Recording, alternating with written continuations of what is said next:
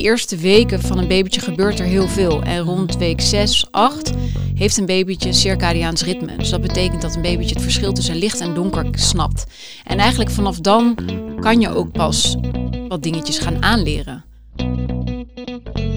Welkom bij de Opvoedkast.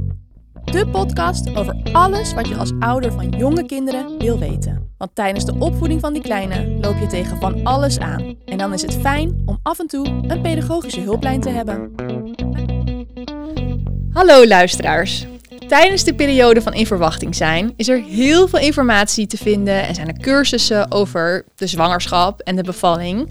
Maar als het kindje er eenmaal is en de kraamverzorgster is weg, dan moeten jullie het alleen doen. En je wordt misschien wel behoorlijk in het diepe gegooid. En we vinden het heel erg belangrijk om ook daarover informatie te delen en tips te geven. Vandaag hebben Janine en ik daarom Melanie van Mulen aan tafel zitten. Ja, welkom, Melanie. Hoi. Leuk dat je er bent. Heel leuk. Melanie, jij richt je met je bedrijf Babyvee op hoe je met meer vertrouwen de kraamperiode tegemoet kunt gaan. En hoe ouders met de juiste kennis zich ook kunnen voorbereiden op deze intensieve, maar o zo belangrijke tijd. Kun jij iets meer vertellen over wie jij bent en over het werk dat je doet? Jazeker. Um, ik ben Melanie, moeder van drie kinderen. Ja, ik merkte dat ik me heel goed had voorbereid eigenlijk op de zwangerschap en op mijn bevalling. Um, en of ik wel of geen borstvoeding wilde geven. Um, en ik merkte dus heel erg dat daarna, eigenlijk nadat de kraamhulp weg is, voelde ik gewoon, oké, en nu? En vanaf toen, toen is eigenlijk het nooit meer gestopt dat ik me erin ben gaan verdiepen en uh, tot de conclusie kwam van waarom is hier gewoon niets over bekend? En dit, dit moeten alle ouders weten, want het zou zoveel problemen wegnemen. En um, ik denk ook vooral dat stukje van uh, dat we met meer zelfvertrouwen het ouderschap ingaan. Dat is gewoon iets wat ik heel graag wil overbrengen. Van als we meer kennis vooraf in plaats van achteraf. Dat is eigenlijk waar ik heel erg in geloof. En wat ik doe is eigenlijk uh, ouders meer kennis geven over de kraamperiode en de weken daarna. En ik zeg ook heel nadrukkelijk ouders, omdat het heel belangrijk is dat uh, we samen dit doen en dit, samen op de hoogte zijn van wat we dan het beste kunnen doen. Ja, nou hartstikke leuk. Um, ja, laten we beginnen bij wat er gebeurt tijdens de eerste kraamweken. Ja, want um, nou, je ligt misschien als vrouw zijn even los van uh, hoe je bevalling gaat zijn. Uh, maar uh, heb je ook herstel nodig? Je gaat door een herstelperiode, een lichamelijk herstel. Maar daarin moet je soms ook de balans vinden in... ik wil mijn kindje ook laten showen. maar we zijn ook een nieuw gezin, dus we willen ook tijd voor elkaar. en daarin is het soms wel lastig om misschien een balans te bevinden. Of, of hoe ga je daar met elkaar mee om? Want iedere ouder en ieder kind is anders. En er is misschien niet één uh, manier hoe, maar zijn er wel dingen uh, hoe je je daarop kan voorbereiden? Nou, allereerst is het denk ik, wat ik al in, in de introductie een beetje aangaf, is dat ik heel erg geloof in dat het heel belangrijk is om meer over dit onderwerp te weten. Dus door te begrijpen waarom die eerste weken en die eerste maanden zo belangrijk zijn. Dus te ontdekken eigenlijk wat er allemaal bij het babytje gebeurt. Uh, te snappen dat bijvoorbeeld huid-op-huid contact essentieel is. Eigenlijk een van de basisbehoeften van de mens. Mm -hmm. En waarom um, dat dan dus ook zo belangrijk is. En waarom ja. dat dan zo belangrijk is. En hoe je dat dan dus ook heel praktisch in de praktijk kunt doen. Dus uh, bijvoorbeeld door je babytje um, iedere dag minimaal 20 minuten echt op de blote borst te leggen. Uh, om te snappen waarom gebruiken we eigenlijk een draagzak. Dus een draagzak gebruik je omdat je eigenlijk de baby terugbrengt als het ware in de baarmoeder. Dat die wiegend met de golven van het wandelen bijvoorbeeld weer meegaat, zoals het ook in de baarmoeder was. Um, dat je maxi maximaal signaaloverdracht creëert eigenlijk, zowel bij het huid-op-huid contact als bij de draagzak. Dus de hartslag die bonst, het zuizen van het bloed, dus shh, dit geluid.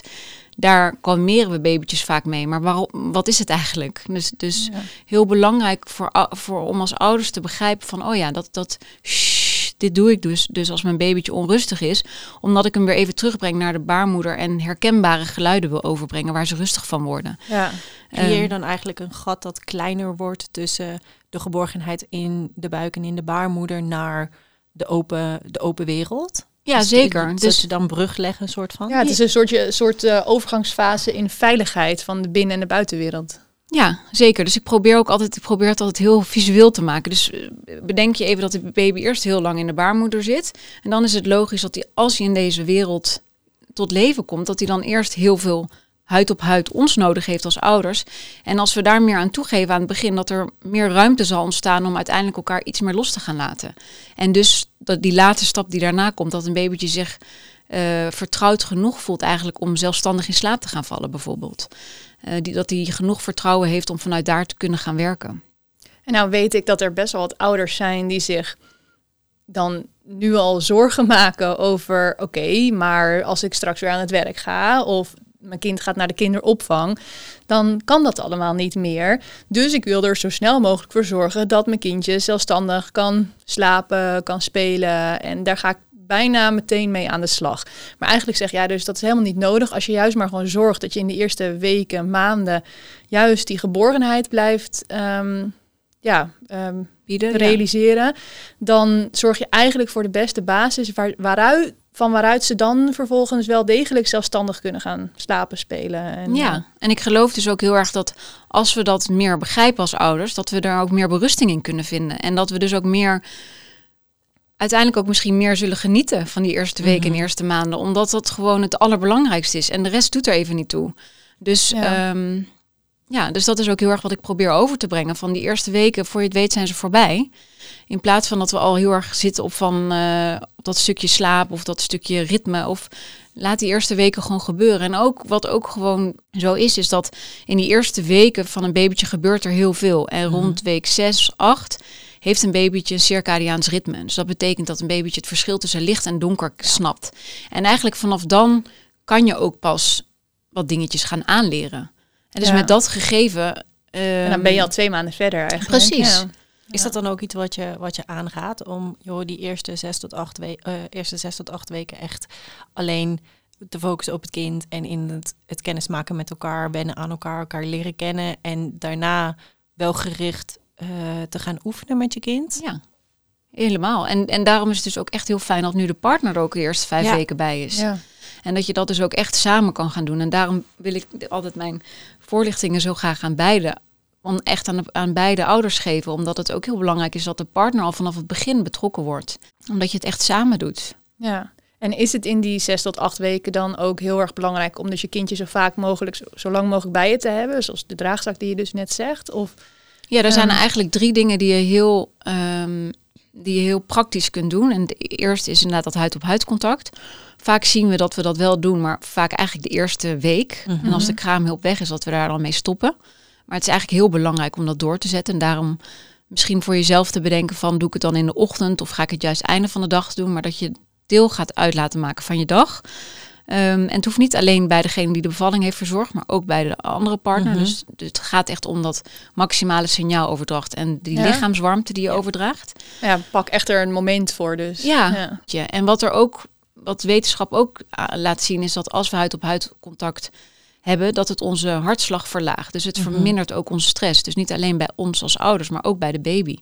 En uh, een babytje heeft zo min mogelijk stress nodig om goed te kunnen groeien. Dus dat is ook weer een voordeel. Een ander voordeel is dat er oxytocine en prolactine vrijkomen. En oxytocine is een hormoon wat ons heel dat blij gevoel geeft en eigenlijk ontspanning geeft.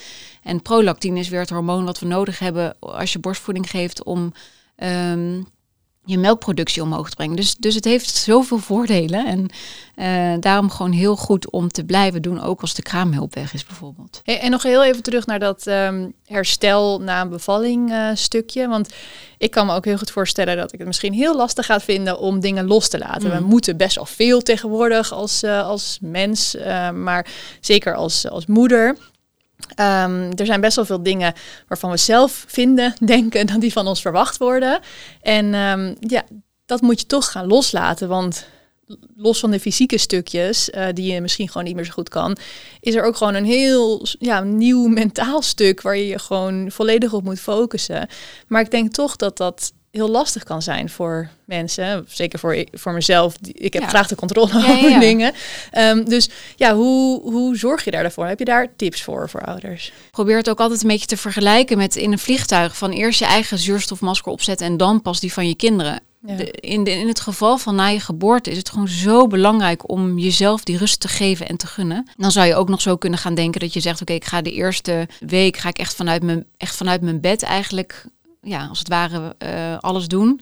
Ehm, daarna ga ik misschien iets meer rondom mijn bed. En, eh, maar dat je wel gewoon eigenlijk de uitvalsbasis is eigenlijk je slaapkamer. In plaats van dat je al meteen in de zitkamer gaat zitten, bij wijze van. Ik weet nog dat na de geboorte van onze oudste zoon, dat ik um, woonden we in Amsterdam en de zitkamer zat op de vloer van de voordeur en ik deed de voordeur open en toen zei mijn schoonmoeder, oh je loopt. en eigenlijk zag ik dat juist als iets helemaal geen compliment. Want ik, ik dacht juist van, ik loop, ja, maar ik wil helemaal niet, eigenlijk helemaal niet lopen. En ik wil, maar als we dat allemaal iets meer zouden, ja, onszelf dat zouden, ja, hoe zeg je dat? Uh, ja, gunnen misschien gunnen, ja. Dan zou het denk ik ook een stuk makkelijker zijn voor de omgeving om dat, om dat uh, te accepteren. Dus dat stukje, die eerste uh, 42 dagen, zijn heel belangrijk. En, um, ja, en durven om hulp te vragen. Ja. Ja, dat, is ook een hele lastige. Ja, dus daar komt gelukkig ook steeds meer over van naar buiten. En, en steeds, steeds meer mensen die zich daar hard voor maken. Van it takes a village to raise a child, letterlijk. Maar dus ook in die zin je gewoon wat kwetsbaarder opstellen en, en hulp vragen. En wat ook heel erg kan helpen als je meerdere kinderen hebt, om dan dus wel echt al een planning te maken voor de eerste twee weken van oké, die en die brengt, brengt mijn zoon of dochter, die en die haalt hem. Zodat jij als, als eigenlijk moeder die ook misschien borstvoeding geeft, die prikkels niet hoeft te verwerken en mhm. dat gewoon uh, een plekje kan geven omdat je weet dat dat goed geregeld is. En ook Um, als je al meerdere kinderen hebt, om dus in plaats van dat je in de zitkamer gaat zitten en kinderen denken dat je dus ook heel erg bereikbaar bent, ja. in je bed ligt. Want dan weten ze gewoon, oké, okay, iets minder beschikbaar. Iets minder beschikbaar. Je bent er en je, en je kan bij me komen knuffelen en bij me zitten, maar ik kan nu even niet met jou een spelletje gaan doen. Of want ik moet nu dat soort dingen um, kunnen heel veel aanzienlijk verschil maken in je eerste weken. Qua stress ook. Dus daarin is vooral afstemming met je partner, maar dus ook met je eigen steun, omgeving daaromheen eigenlijk heel belangrijk, je vangnet. Ja, super belangrijk. En hoe, hoe ga je dan um, om als je je partner even verliest in deze hectische tijd? Ik bedoel, je hebt al genoeg zorg voor je kindje, uh, voor jezelf. Um, daarin heb je soms gewoon een mismatch met je mm. partner. Mm. Hoe, hoe kun je daarmee omgaan? Ja, super, super goede vraag. Um, en dat is ook iets waar ik altijd heel erg de nadruk op leg in mijn voorlichting. Omdat het niet alleen voor die nieuwbornfase zo belangrijk is, maar voor de rest van de kindertijd. Dus als je gewoon als partners ineens ouders wordt, dan verandert er gewoon mhm. alles. Dat verandert alles. En wat ik heel erg heb gemerkt en ook heel erg om me heen heb zien gebeuren, is um, dat het vaak komt er op een gegeven moment zo'n punt na een aantal weken dat je allebei gewoon heel moe bent. Ja. Waardoor je elkaar wat minder snel dingen zult gunnen. Omdat als de een zegt, ja, ik ga vanavond beneden slapen, dan zeg je, ja, maar ik wil dat ook. Dus dan ga je soms eraan toegeven van, oké, dan doen we het allebei niet. Ja. Maar dat het juist zo belangrijk is dat je, als je dat met elkaar afstemt, dat je zegt, oké, jij gaat vandaag en ik ga morgen. Dan weet jij dus ook dat je er even aan over kan geven van, morgen ben ik aan de beurt. Um, maar de, de, ook die vrijheid die je elkaar gunt en geeft, weer heel veel positieve energie in het gezin zou brengen. En dus niet alleen voor die newborn-fase, maar voor de rest van de kindertijd. Dus ook elkaar gunnen om alleen weg te gaan of alleen dingen te ondernemen. Of is, is zo belangrijk, omdat het dus, wat ik net al zei, die, ja, die nieuwe ervaring die je opdoet, nieuwe inzichten, uh, positieve energie weer op een hele goede manier in het gezin zal terugbrengen. dus, dus elkaar ruimte gunnen en geven is super belangrijk. Dus ik zeg ook heel vaak van als je nog in verwachting bent, probeer dan alvast met elkaar te bespreken van wat zou je straks nog willen blijven doen.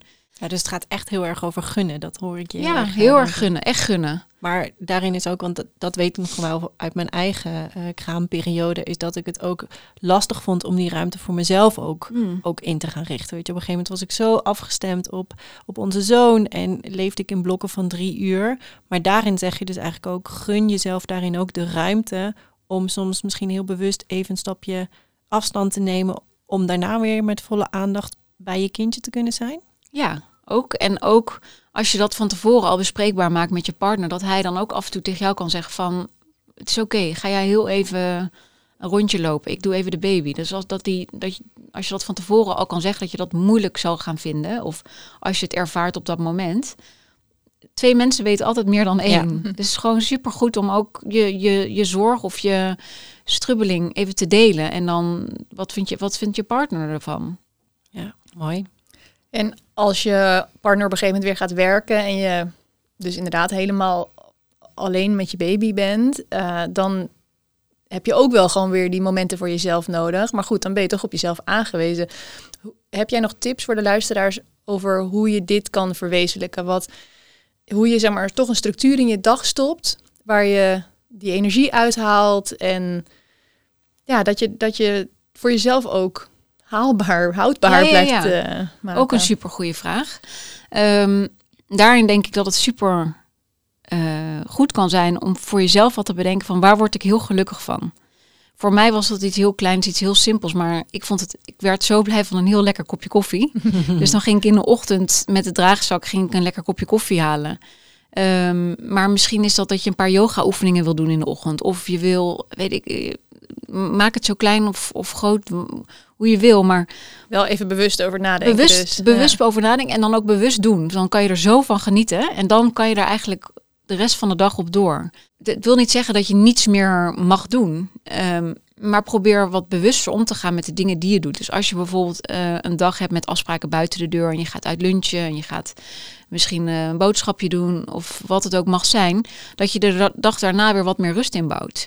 En waarom? Omdat het heel veel prikkels zijn voor babytjes. Ehm, daar vergissen we ons soms in, want we denken Mhm. soms dat ze alles wel aan kunnen, dat het niet uitmaakt waar ze slapen. En, maar het zijn wel gewoon prikkels. Ja. En het andere is dat als we wat meer rust inbouwen, het is ook, ook ehm, eh, beter zal gaan om je babytje te lezen. Dus wat is de behoefte van de baby? Zal makkelijker gaan als je samen bent in een rustige omgeving dan dat er heel veel dingen aan de hand zijn.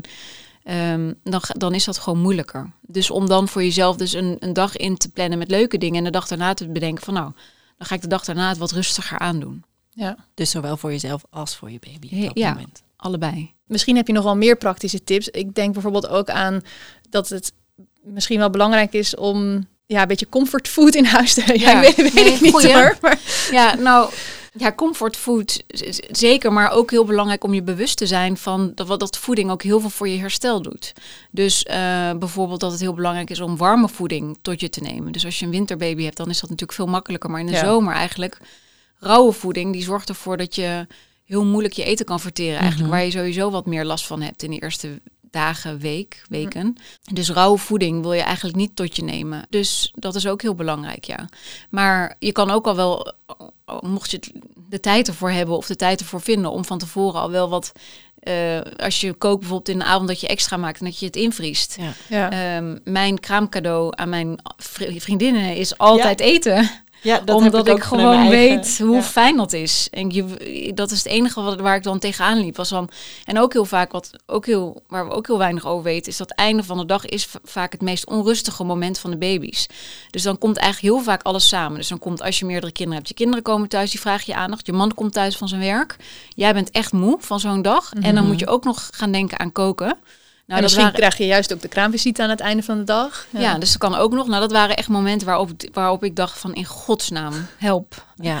Eh, dus dat is super fijn als je dan ehm, daarop in kan spelen. Dat je bijvoorbeeld hele makkelijke sauzen invriest of Ja. soepen. En tegenwoordig kan je natuurlijk ook van alles makkelijk bestellen. Maar dat je jezelf dat dan ook gunt. Ik weet nog dat toen ik in verwachting was dat ehm, eh, onze, onze verloskundige ons voorbereidde op ehm, nou, hoe, hoe een bevalling kan zijn, alle praktische dingen. Maar ook over het kleine stukje daarna. En dat ze zei, ehm, het welbekende roze wolk. En niet zozeer dat ze zei, ja, het, het moet altijd een roze wolk zijn, want dat is niet zo. Maar wat ze vooral vertelde, en dat is me, dat is me wel bijgebleven, dat je soms ook gemixte gevoelens als moeder kan hebben richting je kind. En daarin zei zij letterlijk, sommige vrouwen zijn in eerste instantie eerder boos op hun kind dan dat ze gelijk die liefde voelen, omdat ze ook een pijnlijke of een lastige bevalling gehad hebben.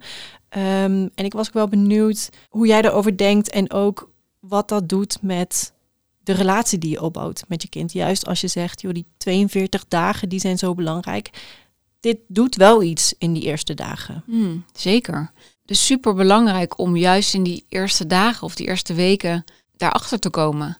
Ehm, en dat dan dus ook te helen als het dan al kan. Dus er zijn een aantal dingen die heel erg helend kunnen werken. Het ene is je bevalervaring op papier zetten. echt opschrijven. Ehm, en eigenlijk zo snel mogelijk na je bevalling. Dus nou, zo snel mogelijk, dat niet om de druk op te voeren. Maar wat je heel erg merkt en misschien ook ervaren hebt, is dat als je mm, naarmate de dagen voorbij gaan, ga je gewoon wat dingetjes vergeten. Die kleine details. En die kunnen juist heel erg bepalend zijn voor wat het gevoel is wat je hebt. Dus je bevalervaring opschrijven kan heel uh, helend werken. En wat je dan vaak ziet, is dat er emoties bij vrijkomen. Wat we ook een beetje vergeten zijn, is dat huilen een natuurlijke manier van ons lichaam is om stress te ontladen. Dus Mhm. het is heel belangrijk in plaats van het op te houden en in je lichaam te houden, om het gewoon te laten gaan. Mhm. Dat is ook waar de kraamtranen vandaan Ja, komen. Ja. En kraamtranen zijn er niet van, eh, oh ze komen bijna, oh het is vervelend. Maar we zouden eigenlijk moeten zien van, oh yes ze zijn er, want ze moeten eruit. Het is, Ze hebben een functie. ze hebben een Je functie. moet ontladen. Ja, en ook de, de, in het Engels noemen ze ook wel de baby blues. En er is zelfs een, eh, een psychiater heeft er een boek over geschreven, Alexandra Sachs. En zij zegt ehm, ehm, The Guide to Your Emotions, What Nobody Tells You. En dat gaat eigenlijk over die eerste weken na de geboorte. Als je dus inderdaad, wat jij zegt, je ziet die roze wolk en je hebt al, al die blije gevoelens. Maar weet dat meer dan 80% te maken heeft ook met dit soort stemmingen. Ehm, Dat zijn veel. eh, ja, dat is heel veel. ja. Ehm, maar weet dat je daar niet alleen in bent. En dat dus die, die 80% komt ook van die baby blues en die kraamtranen. Van dat het dus een hele normale manier is en een natuurlijke manier om dat dus, dus te ontladen. Ehm, en het andere kan zijn, dus nadat je je bevalervaring eigenlijk op papier hebt gezet, om te, bespreken met je verloskundige van hier en hier loop ik tegenaan. Wat vind jij ervan? Wat denk jij dat er anders had gekund? Eh, waar, wat kan ik meenemen wellicht voor mijn tweede baby? Dat kan nog een stukje heling zijn. En tot slot, het, wat we ook heel vaak vergeten en te weinig benadrukken, is dat ehm, er bestaat eigenlijk geen heling zonder lichaamscontact. Dus er is ook iets wat blijkbaar, dus los van het feit dat je tranen laat gaan, is er ook iets lichamelijks wat er eigenlijk uit je lijf moet. Dus, maar in ieder geval om die stress die in je lichaam zit, om die er ook uit te halen eigenlijk. Ook heel belangrijk. Ehm, Ja, dus juist laat het er maar zijn, want dan kan je er sneller overheen stappen. Helemaal misschien. dat. En wat we ook heel wat, wat de praktijk ons ook heel erg leert, als we bijvoorbeeld kraamtranen, als we die ophouden, dat ze dan vaak later er veel hard, weet je, dat het Alsnog veel uitkomen. heftiger Ja. Eh, ervaren. Of, of dat het eigenlijk groter wordt. Of En dit kan allemaal helpen om dus eigenlijk jezelf zo snel mogelijk weer te pakken te krijgen, noem ik het maar even. Om vervolgens dus helemaal te kunnen focussen op die hechting met je baby. Eh, er zijn best wel wat ouders die het lastig kunnen vinden om te connecten met hun baby. En om echt dat, ja, die verbinding en die verbondenheid te vinden. Eh, en ik, dat kan ik me ook heel goed voorstellen, want je weet gewoon niet bij een jong babytje wat hij of zij wil. Je snapt niet genoeg wat hij nodig heeft. Zeker in de eerste periode waarin je dat zelf nog allemaal moet ontdekken en waarin je kindje ehm, ja, gewoon nog niet heel veel zelf kan aangeven en je kindje echt nog moet leren kennen eh, om, om te weten wanneer die wat nodig heeft en welk huiltje wat betekent en zo. Een van onze luisteraars, Fenna, die vraagt zich ook af. Die zegt, ik weet nog niet goed hoe ik mijn baby moet troosten als er eigenlijk niets aan de hand lijkt te zijn. Vrienden zeggen dat ik haar vanzelf wel leer kennen en dat ik gewoon alles moet uitproberen om haar te kalmeren. Maar hebben jullie hier tips voor? Ja, hoe kalmeer je nou zo'n jong babytje? ja, dus ehm, waar we het al over hebben gehad, de draagzak is, is, kan echt heel veel uitkomst bieden in die eerste weken. Ehm, door de draagzak in te zetten. Dus wat we al zeiden, om de baby eigenlijk weer terug te brengen naar de baarmoeder, maar ook die geluiden. Ehm, en het andere is de white noise. De white noise is eigenlijk dat nabootsen van dat geluid. Dus het zuizen van het bloed. Wat we ook soms stofzuigergeluiden Ja, ik wou net zeggen, ik heb wel eens gehoord dat de stofzuiger daar ook heel goed voor Van alle, allerlei geluiden komen er voorbij, maar daar komt het dus eigenlijk vandaan. Ook de reden dat veel mensen gaan autorijden Ja. met hun babytje. Ja. Ehm, en het andere wat, wat eigenlijk een, he- een hele mooie theorie is, is van eh Dr. Harvey Karp. En dat is een Amerikaanse arts. En ehm, als je erop googelt, dan kom je echt filmpjes tegen die heel erg outdated zijn. Maar ik, vind, ik vind zijn gedachte erachter heel mooi. En zijn gedachte is eigenlijk van wij zijn de enige zoogdieren die geboren worden zonder dat we iets kunnen. Mhm.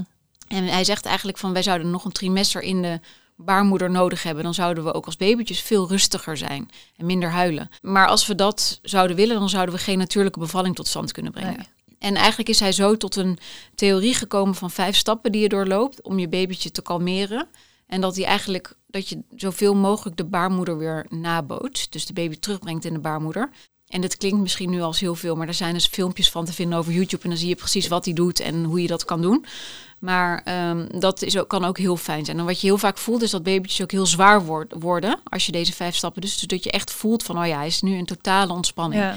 En is er dan ook een, een bepaalde termijn waarin je dit uh, adviseert? Is dat bijvoorbeeld ook die zes tot acht weken uh, in het begin, uh, dat je dit soort dingen inzet? Ja, dus juist omdat je die landing eigenlijk zo rustig mogelijk wilt maken. En, en dat idee ook van dokter Harvey Karp, wat hij zegt van we zouden eigenlijk nog een trimester naar baarmoeder nodig hebben. Dan kan je je voorstellen dat dit soort dingen dan juist in die eerste weken heel belangrijk zijn. Ja. En dat is ook vaak wel waar babytjes het meest onrustig zijn. Uh, we hebben nog een luisteraarsvraag. Die is van Hiske Willemijn en die vraagt: Hoe ga ik om met kraambezoek dat te lang blijft hangen? Ja, goede vraag. um, ja, ik gaf het al even aan bij een andere vraag, maar ik zou dan adviseren om in je bed te gaan liggen omdat mensen dan echt geneigd zijn om minder lang te blijven. Dus als jij in de zitkamer mensen ontvangt en je maakt het allerlekkerste kopje koffie voor ze, dan willen ze graag nog een kopje koffie. En als je in je bed blijft liggen en je biedt een drankje aan, dan voelen ze zich ook minder um, ja, genodigd om lang te blijven. Dus dan gaat het ook wat meer vanzelf. En als je voelt dat dat moeilijk is, dan heel, je heel duidelijk uitspreken van superleuk dat je er bent en fijn dat je er bent, maar ik ben wel nog heel erg moe, dus vind je het erg om niet te lang te blijven. Ja, ja. ja vooraf misschien ook wel. Ja. Dat, want dat ook kan je kan een berichtje dat... doen of ja. een, uh, als je een berichtje krijgt, kom dan en dan langs. Superleuk en ik vind het heel fijn als je komt, maar ik ben wel echt nog heel moe, dus laten we het niet te lang maken. Ja, precies. Ja. Nou, daar, daar, de, daar kunnen we zeker wat mee. Ja. Hartstikke mooi. Um, ik denk dat we er voor nu zijn. Uh, in een andere aflevering met jou gaan we het uh, specifiek over dat slapen hebben. Voor nu heel erg bedankt. Heel veel succes met Babyvee. En als mensen jou willen bereiken, hoe kunnen ze dat dan doen? Allereerst jullie bedankt. Superleuk dat ik hier mocht zijn. Um, ze kunnen me bereiken via hello@debabyv.nl of uh, mijn website www.debabyv.nl. Daar gaan hopelijk veel mensen op kijken, want je geeft echt prachtige tips en inzichten. En uh, ja, nogmaals heel erg bedankt voor de, al deze mooie informatie. Ik hoop echt dat ouders zich gewoon wat beter gaan voorbereiden, zodat ze echt sterk in hun schoenen aan die kraamtijd beginnen. En uh, dat we ze daarmee een stukje helpen. Ja, ja, heel leuk. Dank jullie wel. Ja, luisteraars, bedankt voor het luisteren. Superleuk dat ik hier mocht zijn.